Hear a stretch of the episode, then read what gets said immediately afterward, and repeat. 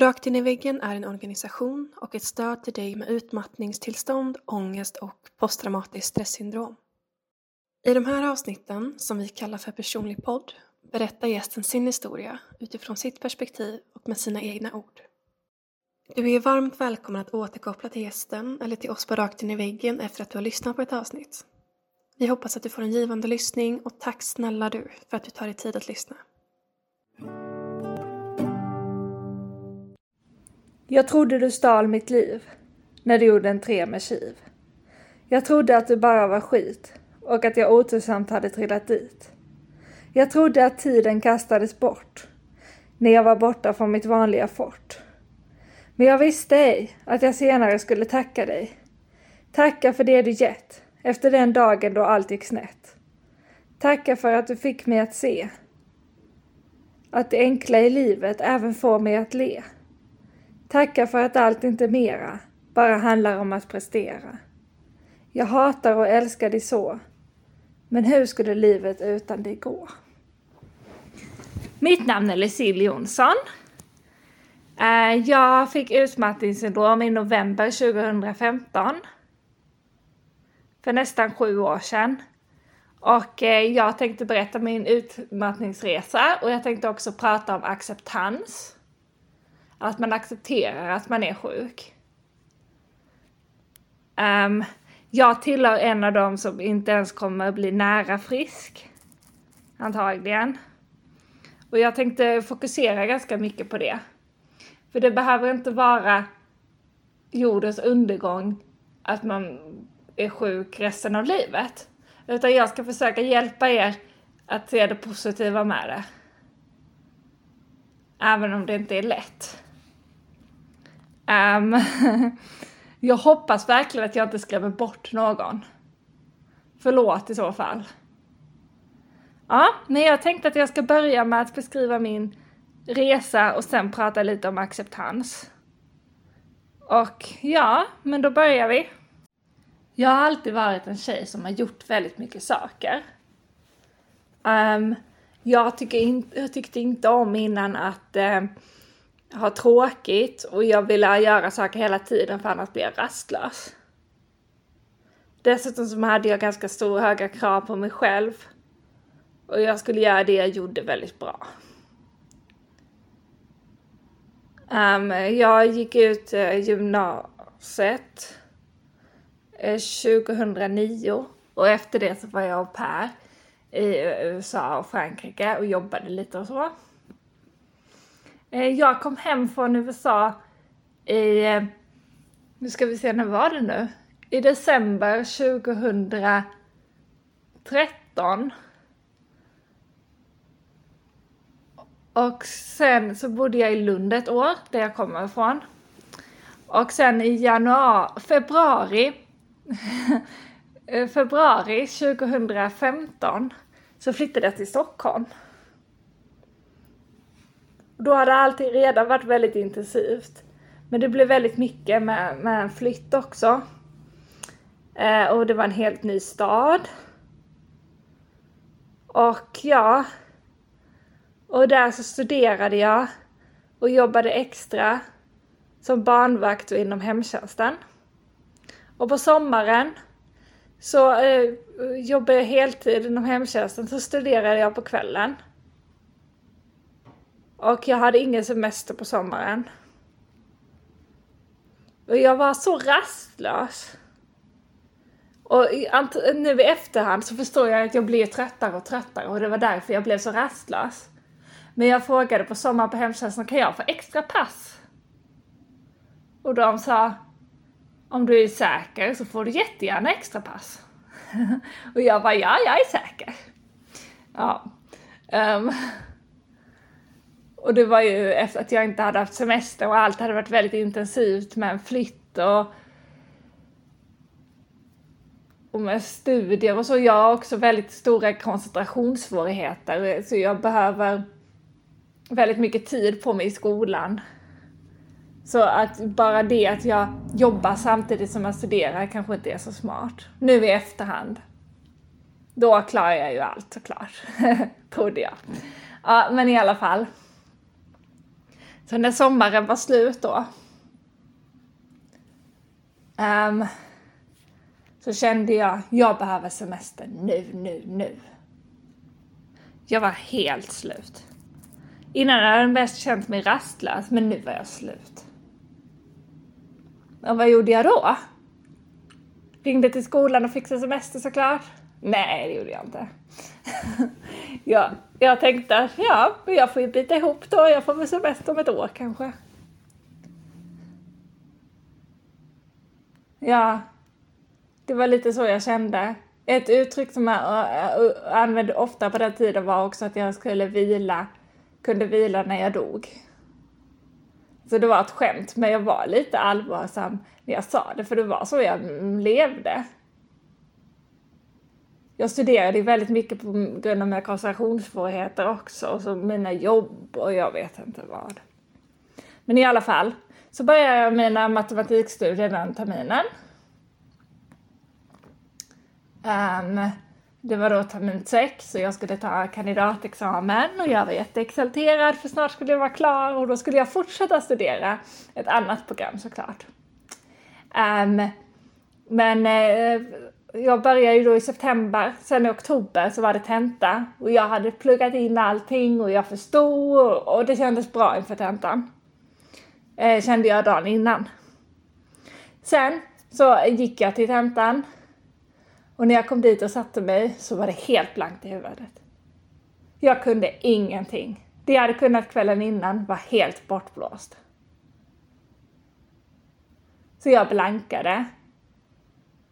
Jag lämnade in. Jag hade så höga krav på mig själv så det var väldigt, väldigt jobbigt. Men jag kände också att någonting är fel. Så jag tog några dagar, kanske fyra dagar, ledigt och sen så kände jag hur mycket klarar jag av att studera? För jag kände att jag var så trött. Och då började jag studera kanske fyra, sex timmar om dagen. För det funkade då. Sen, en, två veckor senare, fast jag hade tagit det mycket lugnare, så gick det inte, det var för sent. Helt plötsligt när jag studerade så hände ingenting. Jag hade så otroligt låg koncentrationsförmåga nu, så det hände verkligen ingenting. Jag försökte läsa i boken men inget hände, jag kunde inte. Jag kunde inte studera. Och jag fick liksom andas lugnt och jag fick för, försöka tänka vad jag gör nu.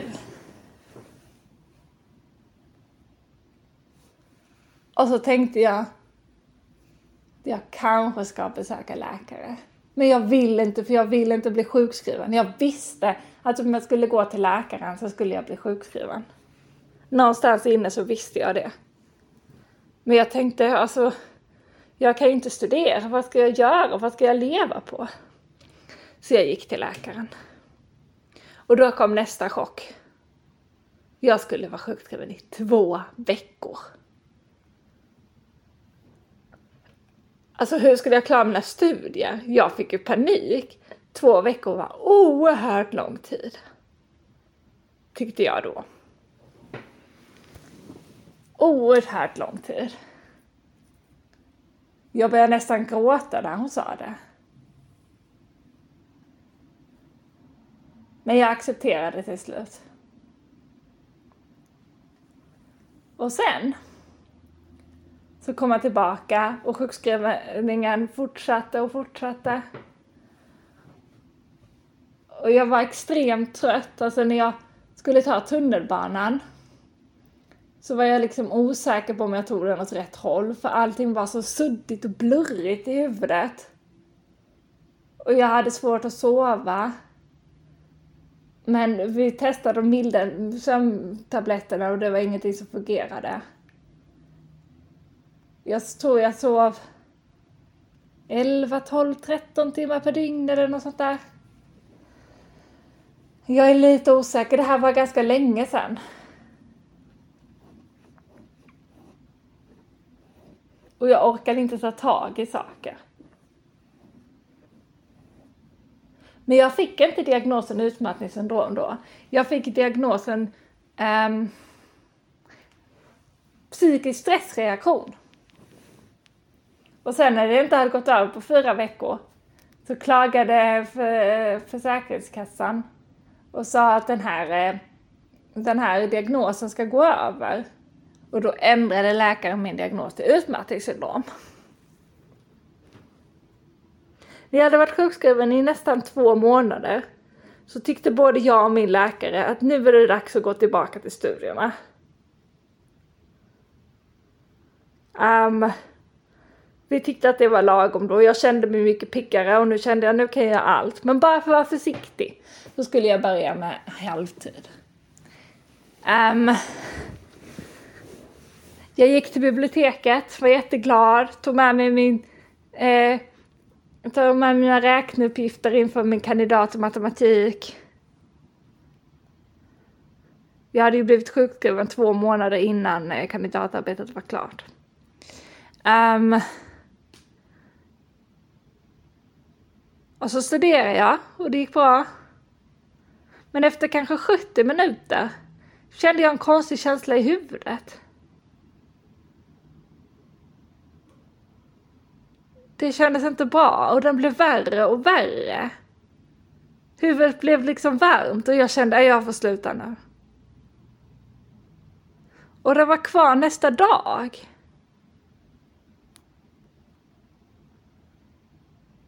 Och jag försökte, men jag kunde bara studera 70 minuter två gånger i veckan.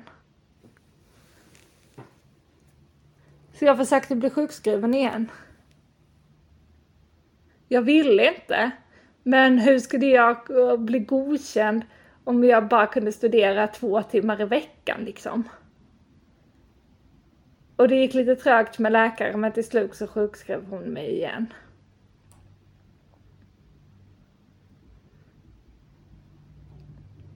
Och det var ju då jag förstod att om jag inte gör någonting så känner jag mig pigg.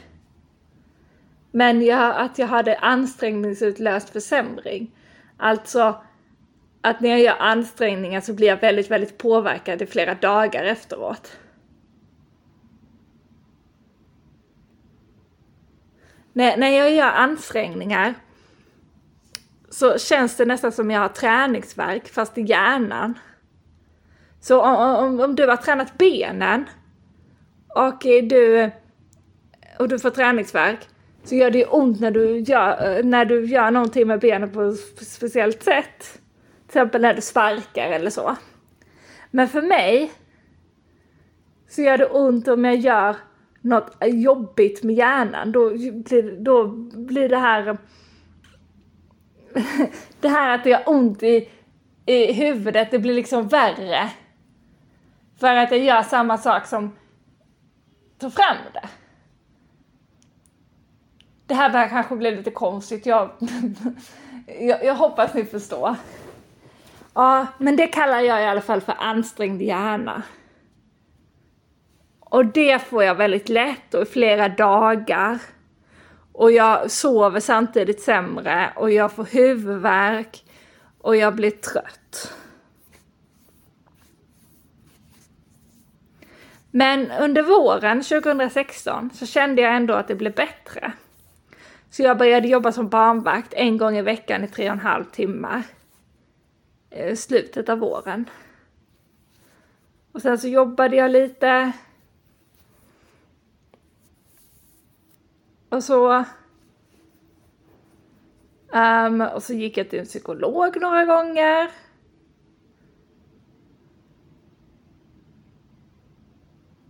Och ja, det hände väl inte jättemycket. Jag trodde att jag hade lärt mig allting och jag hade nog lärt mig ganska mycket. Sen blev det november 2016. Då hade jag en överansträngning. Vi hade haft överansträngning kanske två gånger innan. Så jag tänkte att jag kommer förhoppningsvis ur det här.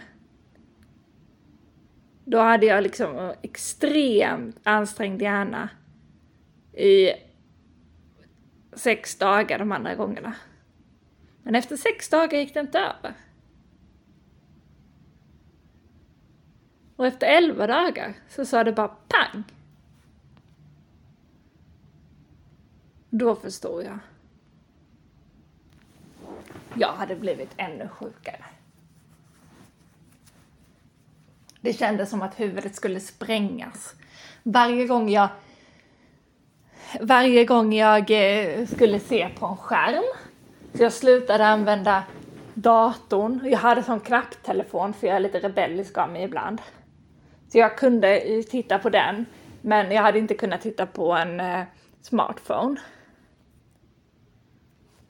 Um, jag kunde inte läsa.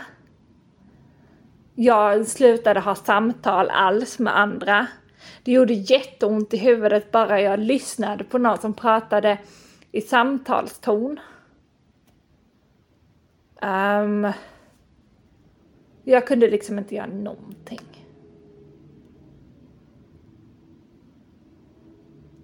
Jag kunde laga mat i början. I november 2016 så kunde jag laga mat. Ehm, men jag kunde inte rita, jag bara låg ner i sängen.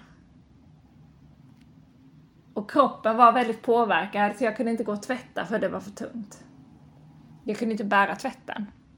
Sen under två månader mellan november 2016 och januari 2017 så blev jag sämre och sämre och sämre. Jag hade fruktansvärt ont och jag var fruktansvärt trött. Um, men när jag lagade mat så blev jag mer andfådd varje gång jag lagade mat. När jag duschade blev jag mer andfådd varje gång och så vidare. Promenaderna blev kortare och kortare. I november kunde jag gå i 15 minuter. Sen blev det kanske tre. Och varje dag tänkte jag, det kommer vända snart, det kommer vända snart, det kommer vända snart. För det var hoppet jag levde på. Det var en fruktansvärd period i mitt liv. Alltså, det, jag var så trött så det gjorde ont. Jag hade jättesvårt att sova på nätterna. Jag sov knappt någonting. Och jag fick, jag, jag, jag fick dela upp alla sysslorna. Um, så uh, när jag skulle laga mat så gjorde jag det kanske var tredje, var fjärde dag, för annars blev det för jobbigt. Och sen gjorde jag en sak varje dag. En dag lagade jag mat, en dag duschade jag, en dag plockade jag ut ur diskmaskinen. Och när jag plockade ut ur diskmaskinen så gjorde jag det i etapper, men det var så tungt. Det var nog därför jag blev andfådd när jag lagade mat också. För det var så tungt att bära kastrullerna. Och om jag skulle ha vatten i kastrullen, oj oj oj. Men då drog jag kastrullen eh, från diskbänken till spisen. Och när jag skulle stå och vänta på maten så gick det inte. Så jag fick halvligga på golvet. När maten var klar så var jag så slut att jag orkade inte äta den. Så jag gick till mitt rum och vilade. Kanske en timme så att jag skulle orka äta maten sen. Och det var jobbigt att sitta på stolen och äta maten. Men jag försökte verkligen. Jag försökte.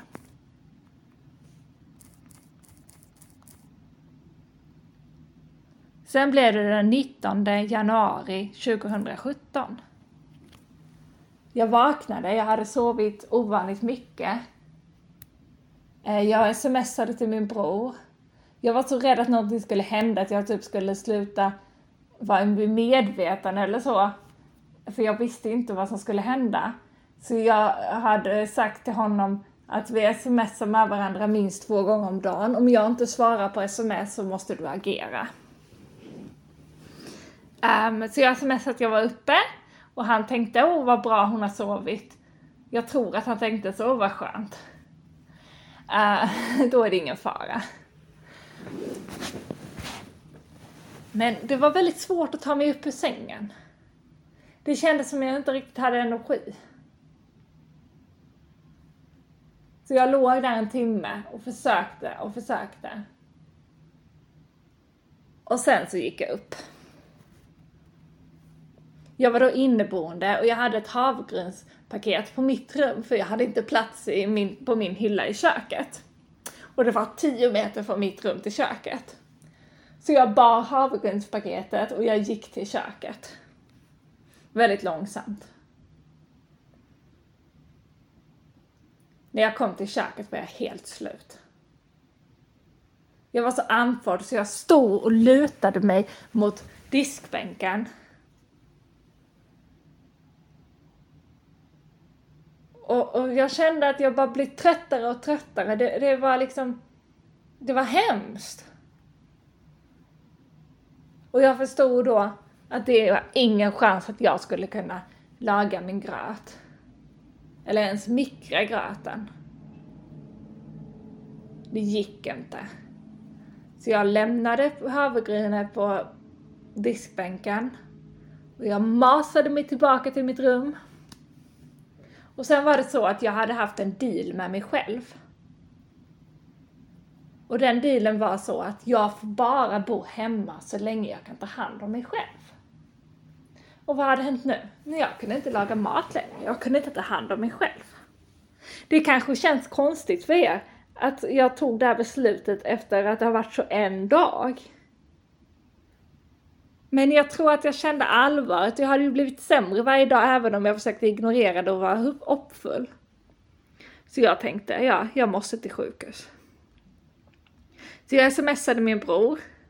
Han hade då gått in eh, gått in på datorn med mitt digipass och betalat räkningar. Han hade beställt hem mat till mig. Eh, han hade fixat typ allting. Eh, och han hade kommit dit och tvättat. Han hade kommit dit och gjort mat, matlådor till mig. Och jag skrev hur det var för honom. Så han bokade en taxi till mig. Och sen kom taxin.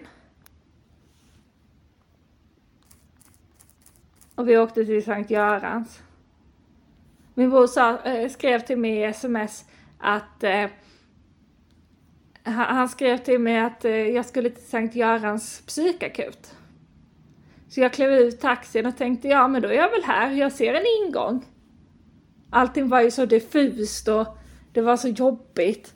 Men jag tänkte, ja, och sen visade, senare, visade det sig senare att det var inte Sankt Görans psykakut utan det var Sankt Görans vanliga akut. Jag vet inte om ingångarna är nära varandra eller om taxin körde fel eller... Jag vet inte. Jag insåg inte det här förrän långt senare i alla fall.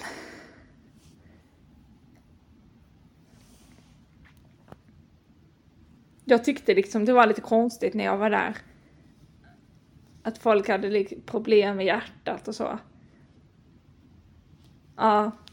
Men i alla fall så tyckte de att jag såg så matt ut. Det jag eh, eh, eh halvlåg. Jag, jo, jag har sagt att jag, eh, att jag var ljudkänslig. Jag halvlåg där på, på bänken med, med händerna i öronen, vad heter det, fingrarna i öronen. Och andades jättefort. Så jag fick komma in och, och ligga på en bår. Men de sa att de inte hade några öronproppar där för de hade bara dem på avdelningarna. Så jag fick inga öronproppar. Och det var extremt mycket ljud. Jag hade inte pratat med någon på två månader. Bara smsat jättekort. Där sms. Och det blir liksom en chock för mig. De misstänkte att jag hade proppar. Så de gjorde ultraljud. Och röntgen av lungor. De kollade syresättningen. De konstaterade att jag, bara jag gick någon meter så blev jag jätteandfådd. Men eh, de visste liksom inte varför, så jag blev kvar över natten. Jag fick som tur var ett enkelrum så att jag skulle slippa ljuden. Och nästa dag kom läkaren dit och sa att han ville skriva ut mig. Och jag blev helt förtvivlad. Vem ska ta hand om mig undrade jag. Men han sa att eftersom de inte hade hittat något somatiskt fel så kunde de inte ha mig kvar. Och då skulle jag därifrån. Jag frågade honom vem som skulle ta hand om mig när jag inte kunde ta hand om mig själv och han sa att det var anhörigas uppgift. Han kunde ha informerat mig om att man kan få hemtjänst, man kan ha boendestöd, man kan få annan hjälp. Men nej. Han sa bara, det är anhörigas uppgift. Mina anhöriga bodde i Skåne. Och jag behövde hjälp med varje måltid, varje dag. Även om de hade eh, eh, bott i Stockholm så hade det inte gått. Och de har liksom jobb att sköta. Jag behövde någon som bar maten till bordet. På den nivån var det.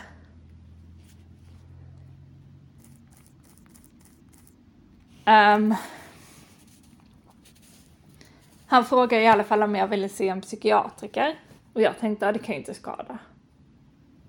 Jag blev så himla ansträngd av det här förresten. För jag pratade ju när jag var där. Um, så det kändes som att huvudet verkligen skulle sprängas så jag mådde så illa. Men psykiatriken fick jag inte alls bra intryck av. Han trodde jag hade en depression. Och jag förstod inte alls vad han menade. Men han sa i alla fall att han skulle ringa till psyk och se om jag skulle kunna få en plats där. Men han var lite osäker för han tyckte inte att de skulle prioritera mig. Och det tyckte jag var jättekonstigt. Jag kan ju inte klara mig själv och ingen somatisk avdelning ville ha mig. Klart man måste prioritera mig liksom. Och jag vet att många är allvarligt sjuka där. Men jag tänkte just då på min överlevnad. Jag tänkte att om jag är hemma så kommer jag inte överleva, jag kommer sluta äta, jag kommer bara ligga i sängen, jag kommer inte gå upp. Jag fick en plats på psyk. Um, så jag åkte dit. Och jag hade, jag, jag var i pyjamas för jag orkade inte byta om. Och allting blev så hastigt och jag tänkte nog inte att jag skulle vara kvar så länge. Jag hade inte med min laddare. så ja, jag kom dit i pyjamas. och sen så stannade jag i sju månader. Men min bror kom och hämtade kläder efter några veckor. Jag hade med mig mobilen i alla fall. Min fina lilla knapptelefon som jag hade på den tiden. Alltså om jag ska berätta allting detaljerat så kommer det här ta väldigt lång tid och ni kommer nog inte orka lyssna. Men jag ska berätta vissa viktiga delar i alla fall. Så när jag hade varit fem dagar på psyk så blev jag sämre. Um, det var liksom en extrem situation. Jag kom dit, jag kunde ju inte gå in, gå in i affärer för att det var så mycket intryck. Och, och, så kom jag dit och det var intryck och det var ljud och det var personal som ville prata med en och det var patienter som väsnade så jag fick inte ens enkelrum. För det hade de knappt några av. Och det var väldigt, väldigt svårt för mig. Och personalen kom fram och sa presentera dig, presentera dig! Och, och jag sa men jag kan inte det. Och de bara lite då. Och jag frågade dem, vet ni hur många ni är? Men till slut så behövde jag inte prata. Men det blev liksom lite prat ändå, till exempel när de kom och sa nu är frukosten klar och så. Men det var en svår situation. Och efter fem dagar så blev jag så dålig så att eh, jag eh, behövde gå med stöd då. Jag gick, norr, jag gick till toaletten själv. Jag vet inte om det kanske var fem meter. Eller jag gick till stolen utanför toaletten, så satte jag mig och vilade. Sen gick jag på toaletten. Och så gick jag och satte mig på stolen och vilade så jag skulle bli lite mindre andfådd. Och sen gick jag tillbaka. Och på den här tiden så gick jag tre promenader om dagen i korridoren. Jag började på kanske 30 meter. Jag blev andfådd minst en timme efteråt. Andfåddheten gick liksom inte över, den bara fortsatte. Och jag hade så ont i huvudet. De tog borreliatest efter borreliatest på mig. För de tänkte att det var konstigt, jag hade så ont i huvudet. När jag kom dit hade jag konstant. Men sen efter några veckor så blev det så att jag hade varje dag, men inte konstant. Och det var en väldigt svår tid. Och på flera månader så blev jag knappt bättre. Och det var väldigt svårt. Och jag... Men sen under sommaren så kom det en läkare dit som ändrade om lite så att jag skulle gå mina promenader utomhus. Och min kropp fick en chock. Jag fick jag fick sådana extrema överansträngningar. Så jag orkade inte ens lyfta på ögonlocken. Jag låg på golvet. Där jag hade ramlat ihop. Jag hörde vad de sa. Jag orkade inte lyfta på ögonlocken. Jag orkade inte prata. Jag orkade inte röra mig. Och så varade det i flera timmar. Jag var liksom medveten om andra, men jag rörde mig inte. Jag låg helt stilla. Så de fick bära mig till min säng. Och det var inte så bra, men det var en vikarierande läkare. Men sen på något sätt så blev jag lite bättre. Och jag började gå. Lite. Och sen så bestämde jag mig att nu ska jag skrivas ut. Jag kunde inte ha hemtjänst där jag bodde innan. Um, så jag fick hitta ett nytt ställe att bo. Så ja,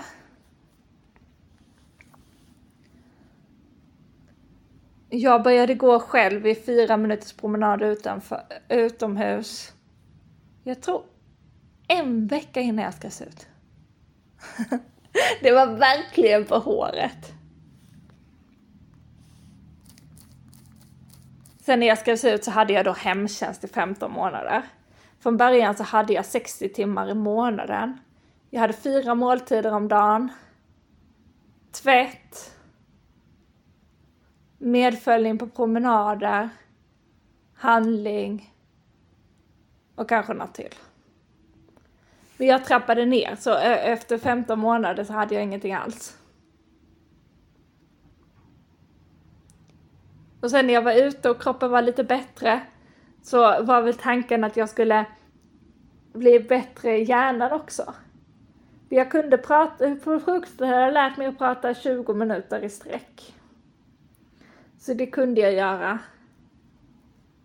Um, men jag satt ju inte vid en skärm. Och jag läste inte. Jag ritade inte. Jag gick inte in i affärer. Så jag började med att sitta vid en skärm i, nu ska vi se här, två minuter. Två gånger om dagen. Jag fick sådana såna symptom i två veckor och sen gick det över. Sen så började jag prata telefon, jag har börjat titta på serier. Jag har börjat läsa, jag har börjat gå in i affärer, jag har höjt mina promenader. Och det har liksom gått framåt, framåt. Jag blev utskriven i september 2017, så det var ett tag sedan nu. Ja. och jag har märkt att eh, när jag ska höja upp någonting sen, till exempel om när jag har kommit eh, till att prata telefon i 10 minuter varje dag. När jag ska höja upp det kan jag höja det med 15% och inte oftare än varannan vecka och så bara en sak i taget. Så då om jag pratar i 10 minuter så kan jag prata i 11,5 sen nästa gång. Så eh, på det sättet har jag ökat upp hela tiden. Det tar väldigt lång tid. Eh, men det har eh, gett resultat. Jag vill göra ett förtydligande. Ehm, det här med att jag sa att jag höjer upp med 15% varannan vecka. Jag får alltså inga tilltagande symptom då. Um, men nu ska jag prata om något annat. Nej, jag ska fortfarande prata om utmattning. Ehm, um, det, det var en dag, jag kommer inte ihåg när det var. Men det var en dag som jag vaknade upp och tänkte, nu har jag fått livskvalitet. Jag har mycket dödtid varje dag. Jag har kraftiga begränsningar. Men jag gör saker som är roliga. Jag har folk runt omkring mig som jag tycker om. Även om vi inte kan träffas så ofta. Nu har jag livskvalitet. Och det var en underbar känsla. Då kändes det ändå att äh, även om man inte skulle bli bättre så var livet värt att leva. Och det, mina vänner och, och vänner, mina damer och herrar, och de som inte är damer eller herrar. Um, det är någonting helt fantastiskt att känna så.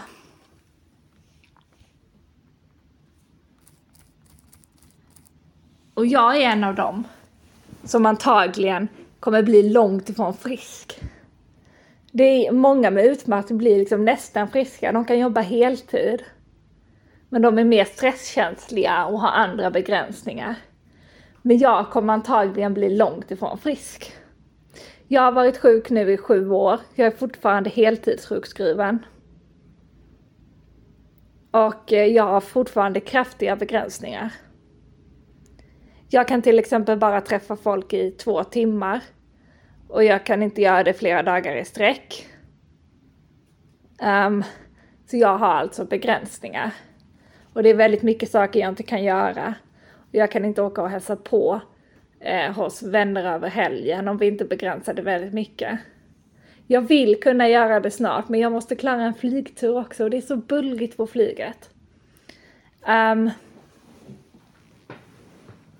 så jag tänkte att jag skulle prata lite om det nu. För det pratas inte så mycket om det här. Men det är ju fler än jag som blir långt ifrån friska. Det är fler än jag som kommer vara sjuka resten av sina liv. Eh, och det är ju väldigt tråkigt och man får känna sorg över det. Jag känner sorg över det ibland också. Men vi vet inte, man kanske bara lever ett liv. Så försök om det går och känna att det kommer till en livskvalitet. Försök att hitta någonting som ni tycker om. Tänk, bara, tänk inte, nej jag kan inte, jag, jag kan inte det här, det går ju inte. För att man inte har gjort det som man gjorde det innan. Men man kanske kan begränsa det, man kanske kan anpassa det. Inom rimliga gränser såklart. Försök att tänka på vad ni faktiskt kan. Och lyssna på kroppen också. Jag vill att fler ska ha livskvalitet. Jag vill att fler ska ha ett fint liv fast att de är sjuka. Och det går nog inte för alla, men jag kanske kan hjälpa någon. Och det låter säkert jättehemskt att man inte, kanske inte blir frisk och jag hoppas inte jag skrämmer folk nu. Det är inte säkert att du är en av dem, de flesta blir ju nästan friska. Jag vet inte, jag har inte läst någon statistik men jag har tolkat det som det i alla fall. Men jag vill att du känner att om du är en av dem så är det ingen fara. Ja, för att du kan leva med dina begränsningar. Um, jag hoppas att ni förstår vad jag menar nu. Um,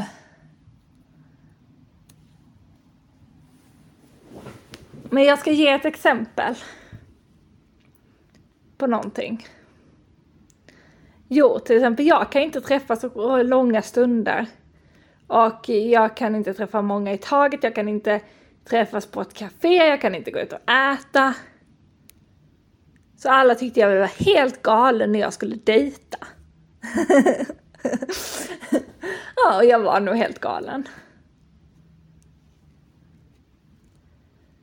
Men jag sa ju innan att man klarar saker man inte tror om man anpassar det och har och eh, vad heter det? Jo, men om man anpassar det helt enkelt. Um, så jag klarade av att dejta. Jag blev väldigt trött av, av eh, längden så det var ju tur att jag hittade någon snabbt. det här låter jättefel. Men, och sen när jag hade börjat dejta så hittade jag ganska snabbt en som det klaffade med. Och hemligheten här är att han är så himla anpassningsbar. Så jag kunde dejta och nu träffar jag någon eh, som är min pojkvän. Och det kunde jag fast att jag är så sjuk. Så ni kanske också kan göra saker ni inte tror. Jag hoppas verkligen inte det här låter fel. Alltså vi älskar varandra. Och jag har absolut inte bara tagit honom för att han är lätt att anpassa sig. Vi hade väldigt, väldigt tur tror jag att det gick så fort. Och du kanske inte kan träffa en pojkvän. Men du kanske kan göra någonting annat. Du kanske klarar av att ta hand om ett djur. De ger mycket tillbaka. Det kanske finns någonting du gillar.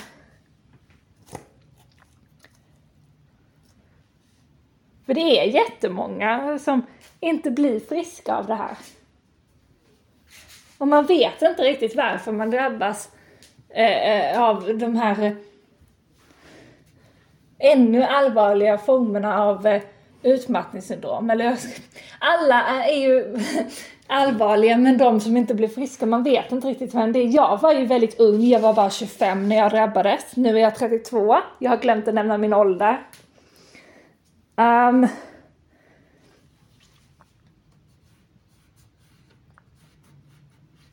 ja, så jag vet inte varför det just blev jag. Men jag får acceptera det. Och som jag sa innan så känner jag också en sorg över det ibland. Jag har vissa dagar när jag tycker det är orättvist. När det känns som att jag sitter i en glasbur och ser alla andra göra roliga saker, men jag bara sitter där. Men jag har min pojkvän. Jag har mina nära och kära. Jag har en jättefin brorsdotter. Jag har mina jättefina kaniner som jag klarar av att ta hand om. Uh, jag kan göra roliga saker. Jag kan titta på serier. Jag kan läsa böcker. Jag kan gå på mina promenader. Och jag känner ändå att jag vill bli friskare och det är mitt mål att bli friskare. Så frisk som jag kan bli. Men om det skulle vara så att jag inte blir friskare än så här så är det helt okej. Okay. För jag har hittat min livskvalitet. Och jag hoppas verkligen att ni också hittar er. Jag vet att det blev väldigt flummigt här i, i slutet. Men försök tänka att ni visst kan göra saker och sen lyssna på kroppen och jag hoppas att ni också hittar det. Och som ni hör så har jag varit väldigt sjuk. Väldigt, väldigt sjuk. Och det kanske var därför jag inte blev frisk. Um, och sen så vet vi inte, mirakel kan ju inträffa. Men när det har gått så här lång tid och det går så långsamt så blir jag antagligen inte frisk. Och mina läkare tror väl inte det heller. Um,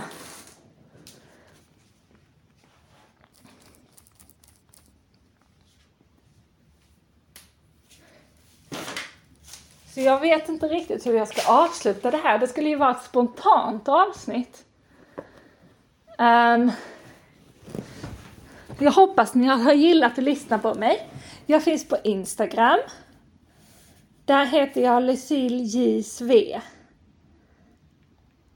Alltså L U C I L L E J S W E. Och i början när jag läste upp dikten så kanske det inte så kanske ni inte riktigt förstod vad den handlade om, för det var precis i början. Men jag tyckte den knyter, knyter ihop vad jag har pratat om så bra. Så jag läser upp den igen. För den är ju inte så lång. Så här kommer den. Jag trodde att du stal mitt liv. När du gjorde en tre med kiv. Jag trodde du bara var skit och att jag otursamt hade trillat dit. Jag trodde att tiden kastades bort när jag bara var, när jag var borta från mitt vanliga fort. Men jag visste ej att jag senare skulle tacka dig. Tacka för det du gett efter den dagen då allt gick snett. Tacka för att du fick mig att se Att det enkla i livet även får mig att le. Tacka för att allt inte mera bara handlar om prestera. Jag hatar och älskar det så, men hur skulle livet utan det gå?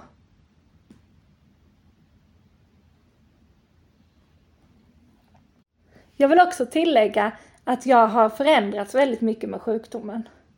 Jag har ett helt annat sätt att se på livet, men det kanske ni har förstått utifrån det jag har sagt.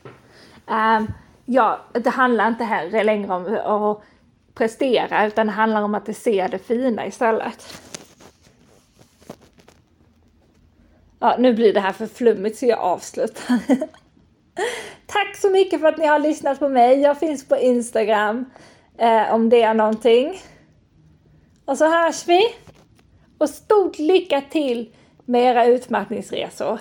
Hoppas att ni inte är som jag, att ni eh, blir så långt ifrån friska. Och om ni ändå blir det så hoppas jag att ni hittar livskvalitet. Hejdå! Vill du också medverka i Rakt in i väggens podcast?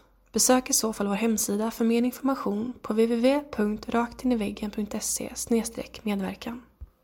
Om du vill tipsa oss om en poddgäst eller om du har en fråga eller synpunkt på det vi gör så kan du alltid mejla oss på info raktinivaggen.se för att få svar.